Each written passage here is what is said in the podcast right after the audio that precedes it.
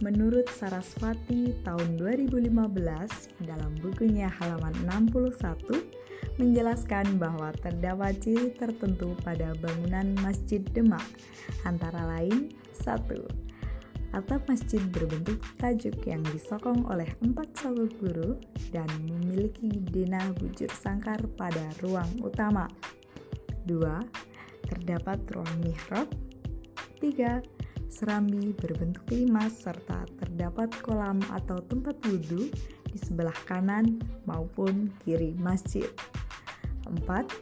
Memiliki pawastren atau tempat khusus wanita yang berada pada sebelah selatan masjid. 5.